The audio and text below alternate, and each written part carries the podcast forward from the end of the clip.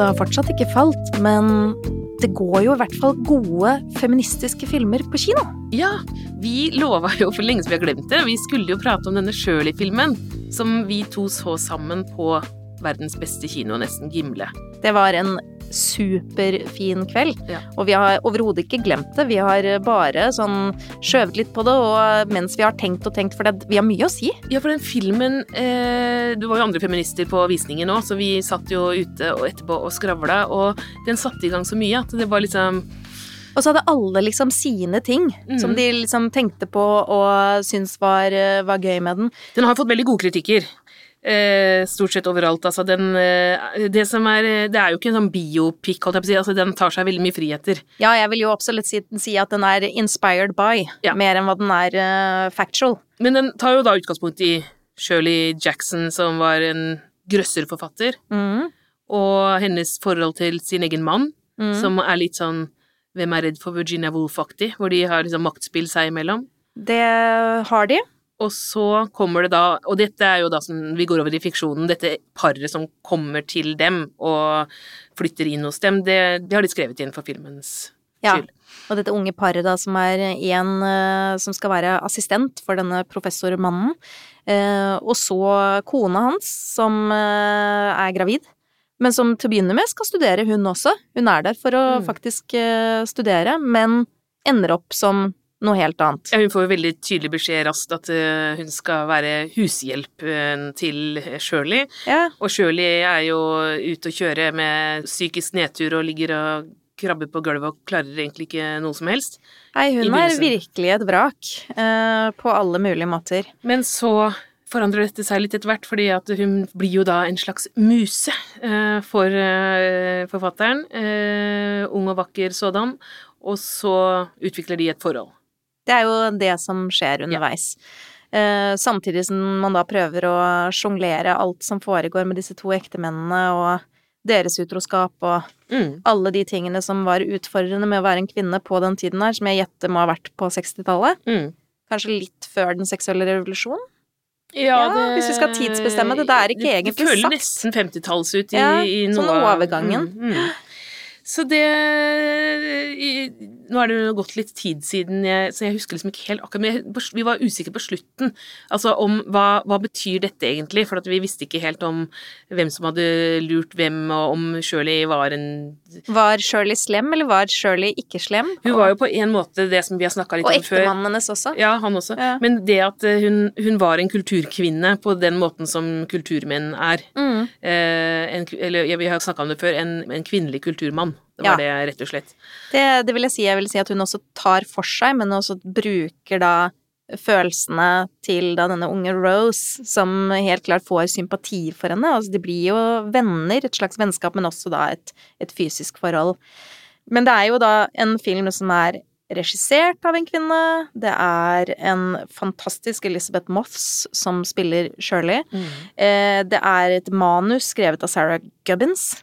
Eh, Så her har vi liksom en kvinnefilm på utrolig mange nivåer. Mm. Og det jeg syns var så befriende, var jo også det her liksom hvordan det hele tiden er et kvinneperspektiv, uansett hva de tar opp i filmen. Mm. Sånn som for eksempel den innledende sexscenen som jeg syns var helt fantastisk Mm. På toget. på toget med et ungt par som er på vei da til der hvor de skal bo, Mm. og hvor det er kvinnen, Rose, som tar aktivt eh, initiativ til å ha sex. Og så har de seg på toalettet på toget, og det er hot as hell. Mhm. og så, Jeg syns jo de bifil-scenene er hot, og derfor jeg syns jo eh, Jeg er litt opptatt av akkurat eh, det. Min favorittfilm eh, gjennom alle tider er jo liksom Brokeback Mountain. Jeg har sett eh, jeg tror jeg har sett den 20 ganger. Eh, så jeg liker jo både homo- og bifil- og lesbiske filmer, da. Og hetero-filmer, altså. Men, du eh, liker egentlig alt? Ja. Ja. Men eh, apropos det med bifil, altså, så, så leste jeg en artikkel som Marie Aubert skrev i Dagsavisen. Det var veldig interessant. Eh, forfatter og journalist Marie Aubert. Eh, den het Altså, tittelen var 'Men hva er du egentlig?' Eh, som var på en måte hvordan folk ofte responderer på det med bifil. Mm. eh, at man er Altså, det er jo undersøkelser som viser at folk er mer negative til bifile enn til homofile. Det er det ene at man er bare litt mer negativ til det. Man har, tro, man har ikke tro på at bifile mennesker kan være trofast. Altså det blir liksom løfta fram som en sånn Man tror at du vil forlate partneren for å være sammen med det andre kjønnet. Så ja, eh, ikke trofast, men også eh, at man kanskje bare er at man er ute etter oppmerksomhet. Eh, hvis to damer kliner eller noe sånt, så blir det jo sett på som noe du gjør for å være sexy, eksempel. Eh, eller at det er sånn som eh, det- dette siterte Marie Aubert da, fra Sex og, sex og singelliv, eh, Carrie Bradshaw i en episode da som eh, snakka om biseksualitet som It's just a stopover on, on the way to gay town. Altså, det er bare fordi du ikke tør å si at du er homo eller lesbisk. Det er liksom, så det er den typen fordommer som eh, er der ute ennå, som gjør at det er kjipt for mange bifile. De sliter faktisk mer enn andre. Det er masse undersøkelser på det. Ja, det er vel akkurat det der liksom med vanskeligheten med at, eh, at man føler man må definere ting. Mm. Og den derre liksom at eh, Må man virkelig det? Ja, nei, det er, Er man nødt til det? Nei, jeg tenker jo på min egen del, altså, at det liksom, enten så er du bifil, eller så er du hetero, eller så er du homo. Når det, når du, det gjør det vanskelig for folk, særlig unge mennesker, da. Jeg husker selv, sant, at jeg var i 20-åra Eh, da var jeg forelska i en jente en periode der, eh, litt sammen med henne, og så reagerte folk rundt meg liksom med sånn omtrent som om eh, at man hadde gjort noe veldig sprøtt. Altså bare sånn der, som, om, liksom, som om jeg hadde innrømt at jeg hadde hatt trekant, eller liksom bare sånn wow, liksom, det var kult, eller som om du liksom sa at du hadde sniffa noe cola, eller noe sånt. Det var liksom sånn derre Yeah, kult, liksom. Men, øh, men så når jeg da sa at ja, jeg er forelska i henne, liksom, da, øh, så var det et veldig sånn øh, Ja, da måtte man da Ja, er du bifil, da? Og så sa jeg nei, jeg tror ikke Så da ble det veldig sånn Det blei veldig skummelt å skulle si ja, da jeg det. Da, da følte jeg at jeg tok et valg på livet, da. Så jeg sa liksom nei, jeg er hetero, bare minus akkurat hun, da. Eh, det gikk jeg og sa lenge, høres jo helt teit ut. Men det handler jo bare om at det er eh, De båsene skremmer jo folk, ikke sant. For Ja. det er jo ikke sånn vi funker. Men det er jo det som i hvert fall jeg prøver å være veldig aktiv på med eh, mine egne barn når vi snakker om den tingen, er det det egentlig blir både enklere og vanskeligere. Når vi i dag Vi har ikke nødvendigvis de båsene. Vi har et spekter. Mm. Og så kan du bevege deg på det spekteret, og det trenger ikke være sånn at hvis du er ett sted på det spekteret, så skal du være der hele livet. Mm. Så tror du det blir enklere for kidsa våre å, å liksom være avslappa i å la ting skje sånn som det skjer? Jeg håper det, for jeg tenker at de har jo en del sånne forbilder nå som er veldig sånn eh, nå, han, Viktor, Victor, han programlederen på, fra NRK Super, han er jo åpen på at han er eh, bifil, og Sondre Justad har sagt det, og, og veldig mange eh, ja, popartister er veldig eh, åpne på det, og uten at det på en måte Så jeg tenker at det må jo bety at det er lettere nå. Ja, det må vel bety at det er lettere, men det er jo klart at hvis du, hvis du har vært forelska i noen av samme kjønn som deg selv, og hvis du er seksuelt tiltrukket av noen av ditt eget kjønn, så er du vel bifil? Eller hva sier du, Martha? Eh, jeg, om jeg er, er bifil? Ja. Jeg, jeg, jeg er vel det, da. Ja, Men- du er vel det. Ja. Men det er jo var ikke så vanskelig. Nei. Det var, men altså, ja. ja. Nei, ok. 44 år, bifil. Det var Fikk jeg sagt det. Apropos damer som liker damer. Det kommer Og film. Eh, ja, og film. Det kommer en spillefilm om Tove Jansson. Yay! Finsk. Det blir jo så stas. Ja, det gleder jeg meg til. Eh, fordi hun er liksom litt sånn mystisk, eller sånn Jeg føler at man eh, på en måte vet mer om Astrid Lindgren, for eksempel, da, enn om Tove Jansson sitt liv.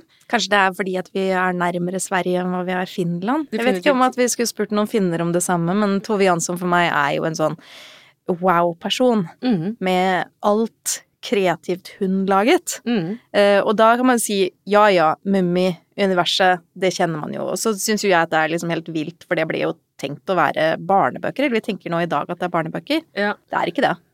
Det er jo ikke så rart de, selger Mummi på smekker og barne...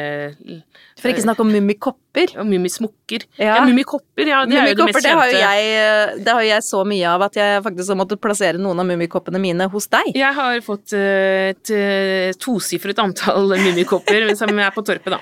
Ja, men det er, jo veldig også fine. veldig Altså, det er jo et sånt eh, Altså, det kreative universet rundt Mummi, Mm. og ting som hun kunne sannsynligvis fortelle via de fortellingene, det er jo noe ganske enestående, men barnebøker vil jeg jo ikke egentlig påstå at det er. Mm. Noen av de fantastiske fabler, men det sier mye filosofisk om voksenlivet òg, altså. Og så har hun jo tatt med seg Altså, hun var jo lesbisk. Det var hun. Eh, hun var sammen med en grafiker som jeg, jeg klarer ikke å si det, du kan lese Da sånn skal jeg prøve prøve å lese det finske navnet. Tulikki Pietiele, Eh, det var kjæresten. Ja. Og så lagde hun en sånn mummifigur av henne som het eh, Tok Tiki. To tikki. Jeg tenker at når hun het det i utgangspunktet, så var det helt innafor at hun lagde liksom en sånn to tikki. Det er litt lettere å si. Ja, litt, Ja. og de hadde jo, hun, eh, Tove Jansson hadde jo et sånn atelier, og så bygde hun en gangbro over til atelieret til Totiki, så de kunne liksom komme og besøke hverandre på Det var så koselig. Og det kan man jo også kjenne igjen da fra Mummi-universet, for der har du dette lille, uh, dette lille, hva skal man kalle båthuset, Mm. som også er veldig velkjent fra For Totiki bor jo nede på stranda, Mm. uh, med en liten gangbro over til et sånt lite hus som ligger på stylter ute i vannet.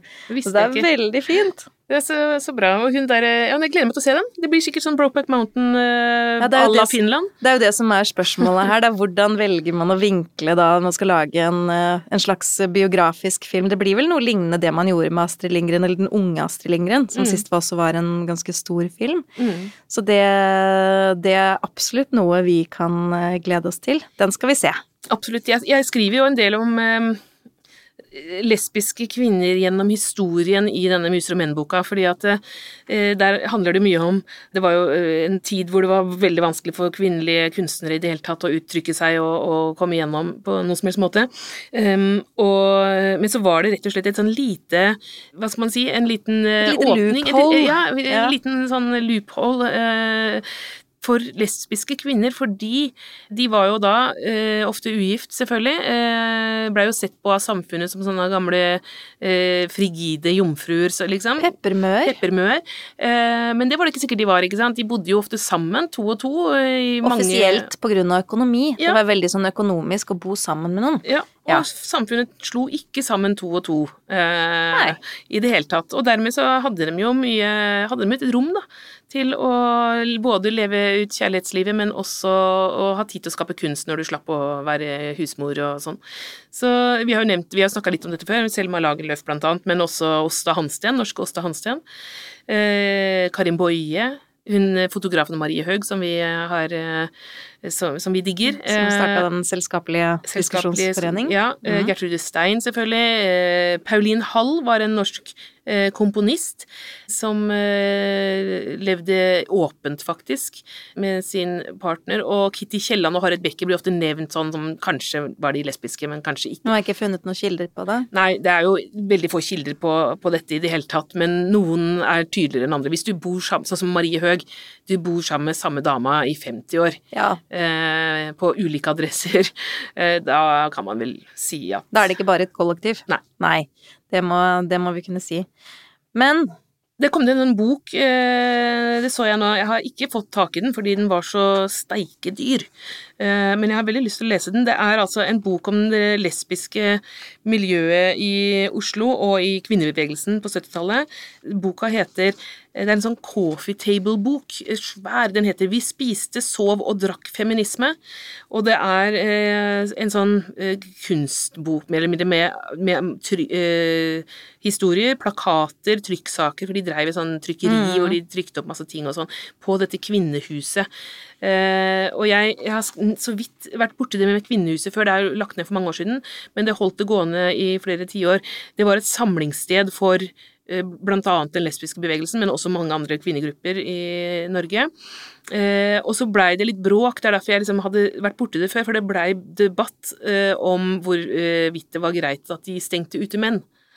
Eh, og det var det mange som mente etter hvert at det ikke var greit. Og så Mm. fikk man de diskusjonene da, rundt det, eh, som, eh, som sikkert denne boka også kommer inn på, da. mm.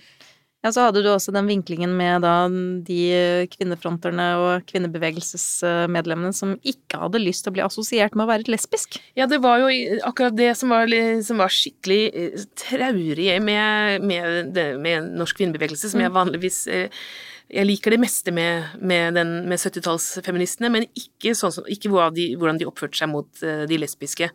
Uh, de fikk ikke gjennomslag for sine plakater i det hele tatt, og det var jo det at det, når samfunnet hadde sånn bilde av at feminister er ikke interessert i menn, de er mannshatere, så, og de ser sånn og slik ut, så ville vel heterofeminister ja, ta avstand fra det og ikke, ikke ha disse som de syns så ut som mannshatere ja. Eh, med seg i, eh, i um... meg, altså Nå kan vi tenke tilbake og bare herregud, det er vel bare å join forces og ha den legningen du har. Det kan vel ikke være så veldig vanskelig at man likevel har lyst på like rettigheter og muligheter. Det burde ikke være så vanskelig. Nei, så større utfordringer da.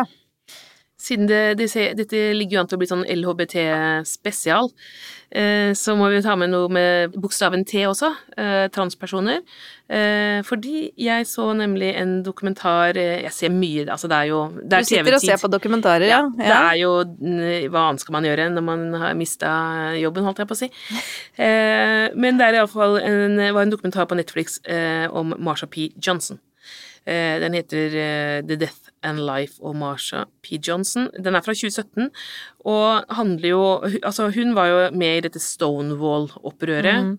Som uh, var når homsene begynte å ta igjen uh, mot politi som uh, trakasserte dem på det groveste. Og Sylvia Rivera, det var en annen person i, som også er, har en ganske stor rolle i denne filmen, da. De regnes på en måte som grunnleggere av pride bevegelsen, fordi den sprang ut av dette opprøret mm. eh, på slutten av 60-tallet.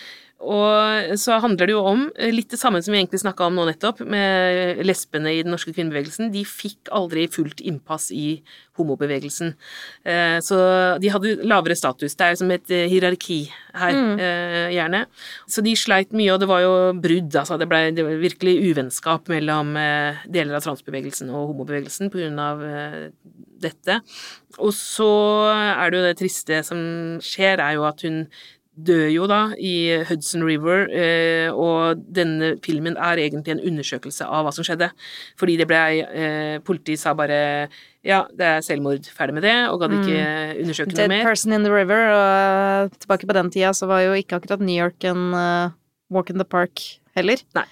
Så det blei blei ikke undersøkt noe særlig, og så er det jo da en sterk mistanke om at hun ble drept. Det, så det er drivkraften i dokumentaren, da. Men det som som jeg sitter igjen med mest, er jo da fordi det er masse klipp av denne Marsha, hvordan hun var eh, som person, og hun var liksom så utrolig sjarmerende og varm og omtenksom. Altså, det var bare så innmari fin fin dame. Og så var det hun Sylvia Rivera, som også var selvfølgelig en, Hun var jo også en flott eh, dame på mange måter. Hun hadde jo da eh, var veldig veldig politisk engasjert, men hun hadde en helt annen stil. Hun var liksom så krass, og, og gikk liksom Sto på en måte på scenen og ropte eh, hat mot homobevegelsen, så at det, folk fatta jo ikke helt hva er det hun driver med, liksom. Og, og hun endte opp på gata, hadde ganske røft liv og bodde var bare i opposisjon til alt. Eh, virkelig hadde god grunn til å hate mye og mange, men du får jo ikke så mye venner av det. Mens Marsha da hadde en helt annen tilnærming. Hun var bare spredde kjærlighet hvor hun, enn hun kom, da. Mm. Så det er et dobbeltportrett. Ja. ja. Men gikk det galt med de begge to? Eh, hun døde jo ganske ung, eller eh, nei, ung, nei, det var hun ikke. Hun døde for tidlig også, Sylvia, men det var vel av kreft etter å ha drevet med stimulerende midler i ja. mange år. Det var eh, noe som også var litt gjennomgående i de miljøene på den tida. Mm. Men jeg anbefaler altså den eh, eh, først og fremst som eh, Man får jo ikke noe ordentlig endelig svar da, for de klarte jo ikke Selv om man sitter jo igjen og er overbevist om at hun er drept, så fant de jo ikke noen morder. Men, det er jo noe med noen bevis som rett og slett gikk til spille underveis fordi at man ikke tok tak i det mm. til riktig tid mm. og på riktig sted. Men det er jo i hvert fall det at historien blir fortalt, og at man nå dokumenterer det, og at man også løfter opp Marsha P. Johnson fra glemselen er jo et pluss, mm. så da er det nok en anbefaling og noe man kan se på.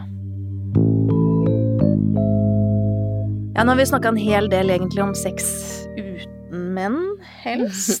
Mm. Jeg vet ikke om vi kan si det, men det er i hvert fall noe jeg har merka meg. Det er at sexleketøy, og spesielt vibratorer, mm. har begynt å bli allemannseie på en helt ny måte. Ja, sånn, de, man ser det på Det er ikke sånn gjemt bak en Det er ikke sånn få det tilsendt i posten i sånn uh, Sånn brun pakke. brun pakke eller sånn. Nei, altså det er jo ikke heller sånn at du må oppsøke en uh, sexsjappe et eller annet sted, og så finne deg noe som ligner på en uh, gedigen pikk. Nei, du husker du ikke når vi var i Berlin, og jeg gikk inn på dass, og så fant jeg den derre Der hvor de vanligvis selger sånn tobakk, eh, eller røykpakker, Ja, eller kon- kondomer. Eller kondomer og Tamponger. Og, tamponger, Ja. og Og disse bullets, eh, vibrator-bullets-greia. Eh, kjempe De kosta jo liksom to kosta fem euro. Ja, ja, og det var bare så søte og fine. Altså, ikke sant, når du står på byen Eh, og det er liksom ja, Nå var vi i Berlin, da, så vi hadde ikke tenkt å sjekke opp noen, men liksom, jeg tenker hvis, det å ha det på en sånn på dass på utested Du står der og tenker Fader, skal jeg liksom Skal jeg kline Skal jeg, skal jeg bare gå og kline med han der eh, idioten der borte for å se eh, Eller skal jeg bare ordne meg sjøl ordne meg sjøl med, denne med fem euro, liksom? Ja. Eh, Det burde noen plukke opp. Ja. Eh, Sporenstreks, dette her er tipset vårt til dere som selger eh, kondomer og, og tamponger ute. Eh, sørg for minivibrator også i den Mm. samme automaten. Mm. Jeg vil lover det kommer til å gå bra. Ja. Men det er jo liksom tilgjengeligheten i eh, Tyskland. Ja. Men her da til lands, noe som jeg også ser nå, er jo at at det dukker opp sexleketøy i nettbutikker som lyco.no, mm. som er da heller ikke sponsa. Mm. Eh, et sted hvor folk kjøper stort sett sminke. Og på normal selger de sånne små, søte ting nå. Det gjør de helst. Og Ja. min favoritt, altså en av mine favorittblogger, litt sånn her Guilty Pleasure, som heter Cup of Joe, det er en amerikansk blogg. Der også var det nå, som en av ukens anbefalinger, så var det sånn der hvordan du skal få denne ukens eh, beste relax. Det var eh, ved å sjekke ut vibratorene til et, noe som heter Dame. Mm. Så de lenka den videre, og Ja, hadde også en liten sånn linken rap rapport, nei, en liten sånn rabattkode og Mm. greier, så du kjøper deg en vibrator til helga. Ehm, det Jeg- er jeg noe annet. Du sendte link på den Ja. Dame, den var veldig fin. De er kjempefine! Mm. Og det samme er jo de som de har på Lyco, de som heter Smile Makers. Herregud, jeg har jo lyst på alle! Mm. De er sånn supersøte farger ja. Ikke og sånn blod Før så hadde litt sånn, så skulle de se ut som en pikk, og da med sånn, gjerne litt sånn hudfarge og blodårer og sånn. Det var ikke pent. Nei. Nå ser det ut som eh, det var en sånn, eh, På den sida der så var det en sånn ring som bare var en sånn derre eh, Fin, het den. Finn. Finger vibrator. Og så bare Ja, du kan liksom bare Det var ikke så Folk ville kanskje synes det var en rar ring hvis du gikk med den ute, liksom, men Du kan teste. Men dog så er det jo noe praktisk med å plassere det sånn på hånda, sånn at det Ja. ikke glipper, da. Ja. Så, så det her er jo Og da, nå dreiv jeg jo liksom også med litt ekstra research, så finner jeg da på forsiden av kondomeriet eh, Kondomeriet som før var litt mer sånn ja, litt harry. Ja, det var sånn derre Ja. Slikkepinne eh, Formet som pikk og sånn. eh, Eller pupp, eller Ja. liksom sånn. Det var litt mer sånn harry. Nå er det jo helt klart at de retter seg mot et kvinnelig publikum til en viss grad, og der har jo nå Lily Allen Hun har fått laga sin helt egen womanizer. Oi. Ja, og for de som ikke vet hva en womanizer er, så er det der Så søk det opp. Ja, søk det opp. Womanizer. Så det er uh, også et veldig fint lite verktøy. Ja, men det er så bra. Som jeg trynet på. Det tenker jeg, det kunne man ikke gjort for ti år siden. At ha hadde fått en popstjerne til å fronte vibrator. Ja, liksom. jeg synes jo også, det må jo også nevnes da på samme sida, så fant jeg ut at uh, Harm og Hegseth, som har en ganske populær podkast de også, de har uh, nå. Sex uten kvinner. Nei, ja, de, det er sex uten kvinner, absolutt. For de anbefaler da prostatavibrator. Så det What? fronter de. Prostata, er en sykdom? Prostata er eh, opplagt et sted som skal stimuleres, oh. kanskje primært på menn. Men eh, ja, da tenker jeg at liksom kjendiser som Harm og Hegseth kan liksom bare sånn derre Ja, Ja. nå er de jo gay, Ja, men Det er litt, eh, litt større liksom, spenn, men jeg, jeg tenker at det neste blir jo da en norsk kjendis som, som får sin egen vibratorlinje. Ja, vi vil gjerne ha egen vibratorlinje. jeg syns godt vi Altså, kan stille opp der Denne poden her kan eh, vi, Patriarkatet Fallers eh, spesial Med egen eh, linje med sexleketøy som er pene å se på, gode å ta på, og som funker som faen. du, du må bare, eh, altså jeg må fortelle. eh, For mange år siden så var jeg journalist i et blad som het Mag. Eh, Jeg husker det. Ja, det var eh, ikke så veldig bra blad, for å være ærlig. Ikke Eh, kulturens høyborg det var ikke på det. det tidspunktet. Nei. Men uh, i hvert fall, jeg var jo da 22 år og hadde nettopp fått jobb der, og på den tida jeg, jeg tok jo de uh, oppdragene jeg fikk, altså, eller av Mag, jeg måtte jo skrive om det sjefen sa. Så jeg fikk jo beskjed om at lag en sånn vibrat... Eller dildotest, skulle den hete. Mm. Uh, og så sendte de meg på Sexhibition som på Rockefeller, og der, med fotograf og sånn, og så skulle jeg liksom snakke om disse og ta på og sånn, og så var det altså, ikke sånn jeg, jeg, fikk med meg også noen eh, til å liksom teste hjemme, da. だ。Eh, men eh, så tok de bilde av meg, og da var det liksom en Det var en som var sånn latterlig svær. Den var sånn som ja, Du har sett det, også det husker jeg fra Sex og singelliv på tal om, det snakka mm. vi først. Husker du når Samantha er i eh, LA, og hun møter denne dildo-modellen? Oh, ja, så hun begynner jo å date en fyr ja. som er modellen til en sånn derre giga, og det er akkurat en sånn Trenger man liksom en ekte modell for å lage Han hadde visstnok den ultimate pikken for akkurat det formålet. I hvert fall så ble jeg da fotografert med den her i armene, da. En sånn giga mega latterlig stygg, Sånn størrelse på, med størrelse på en baby? Med, ja, med babystørrelsen der. Og så mm, Eh, ja, så ble det helside i bladet og sånn, og så tenkte jeg ikke så mye mer på det, for jeg prøvde jo hele tiden å vri over, eh, temaene over på noe som jeg var interessert i. Jeg hadde lyst til å være musikkjournalist på den tida, og klarte å overtale liksom, til å få gjort litt sånn intervjuer og sånn.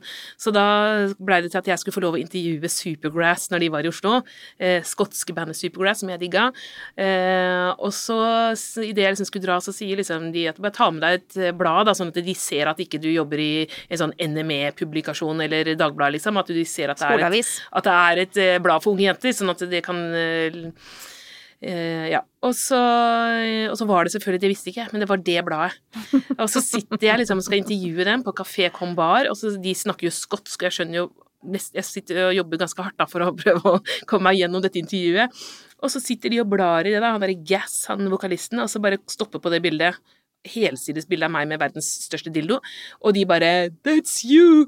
Og så holdt de på å le seg i og de lo og lo, og det blei jo bare Og jeg sitter og rødmer. Jeg, har aldri rødma så mye. Jeg skal liksom late som jeg var musikkjournalist. Det er nesten så du rødmer litt nå ja. også, når du tenker tilbake på det. Stakkars Martha, 22, altså. Nei, det var så ille, og jeg ja, jeg har ikke kommet over det nå. Nei, jeg tenker nå i hvert fall at hvis uh, noen av kidsa våre skal begynne som uh, unge journalister og jobbe med test av sexleketøy, så blir det i hvert fall litt gøyere jobb enn det du eventuelt hadde way back when. Ja, og så er det jo egentlig hele moralen, da, selv om jeg må si at uh, Lyco kan jo godt uh, gjemme disse tingene sine litt mer synlig. De har jo skjult det under helse og velvære. Mm. Sexleketøy, syns jeg egentlig, eller pff, vibrator, for all del. Uh, så Men tror jeg kanskje de selger litt mer. Ja. Men snarveier til kjapp orgasme, det heier vi på. Så ja. det vil vi ha mer av. Husk at dere kan finne oss på Facebook, dere finner oss på Instagram, og dere kan også sende oss en e-post på patriarkatefaller at gmail.com. Du har hørt podkasten Patriarkatet faller av og med Marta Breen og Anette Garpestad. Teknikk og musikk ved Margarita Krimici. Og utgiver er Cappelen Dam Forlag.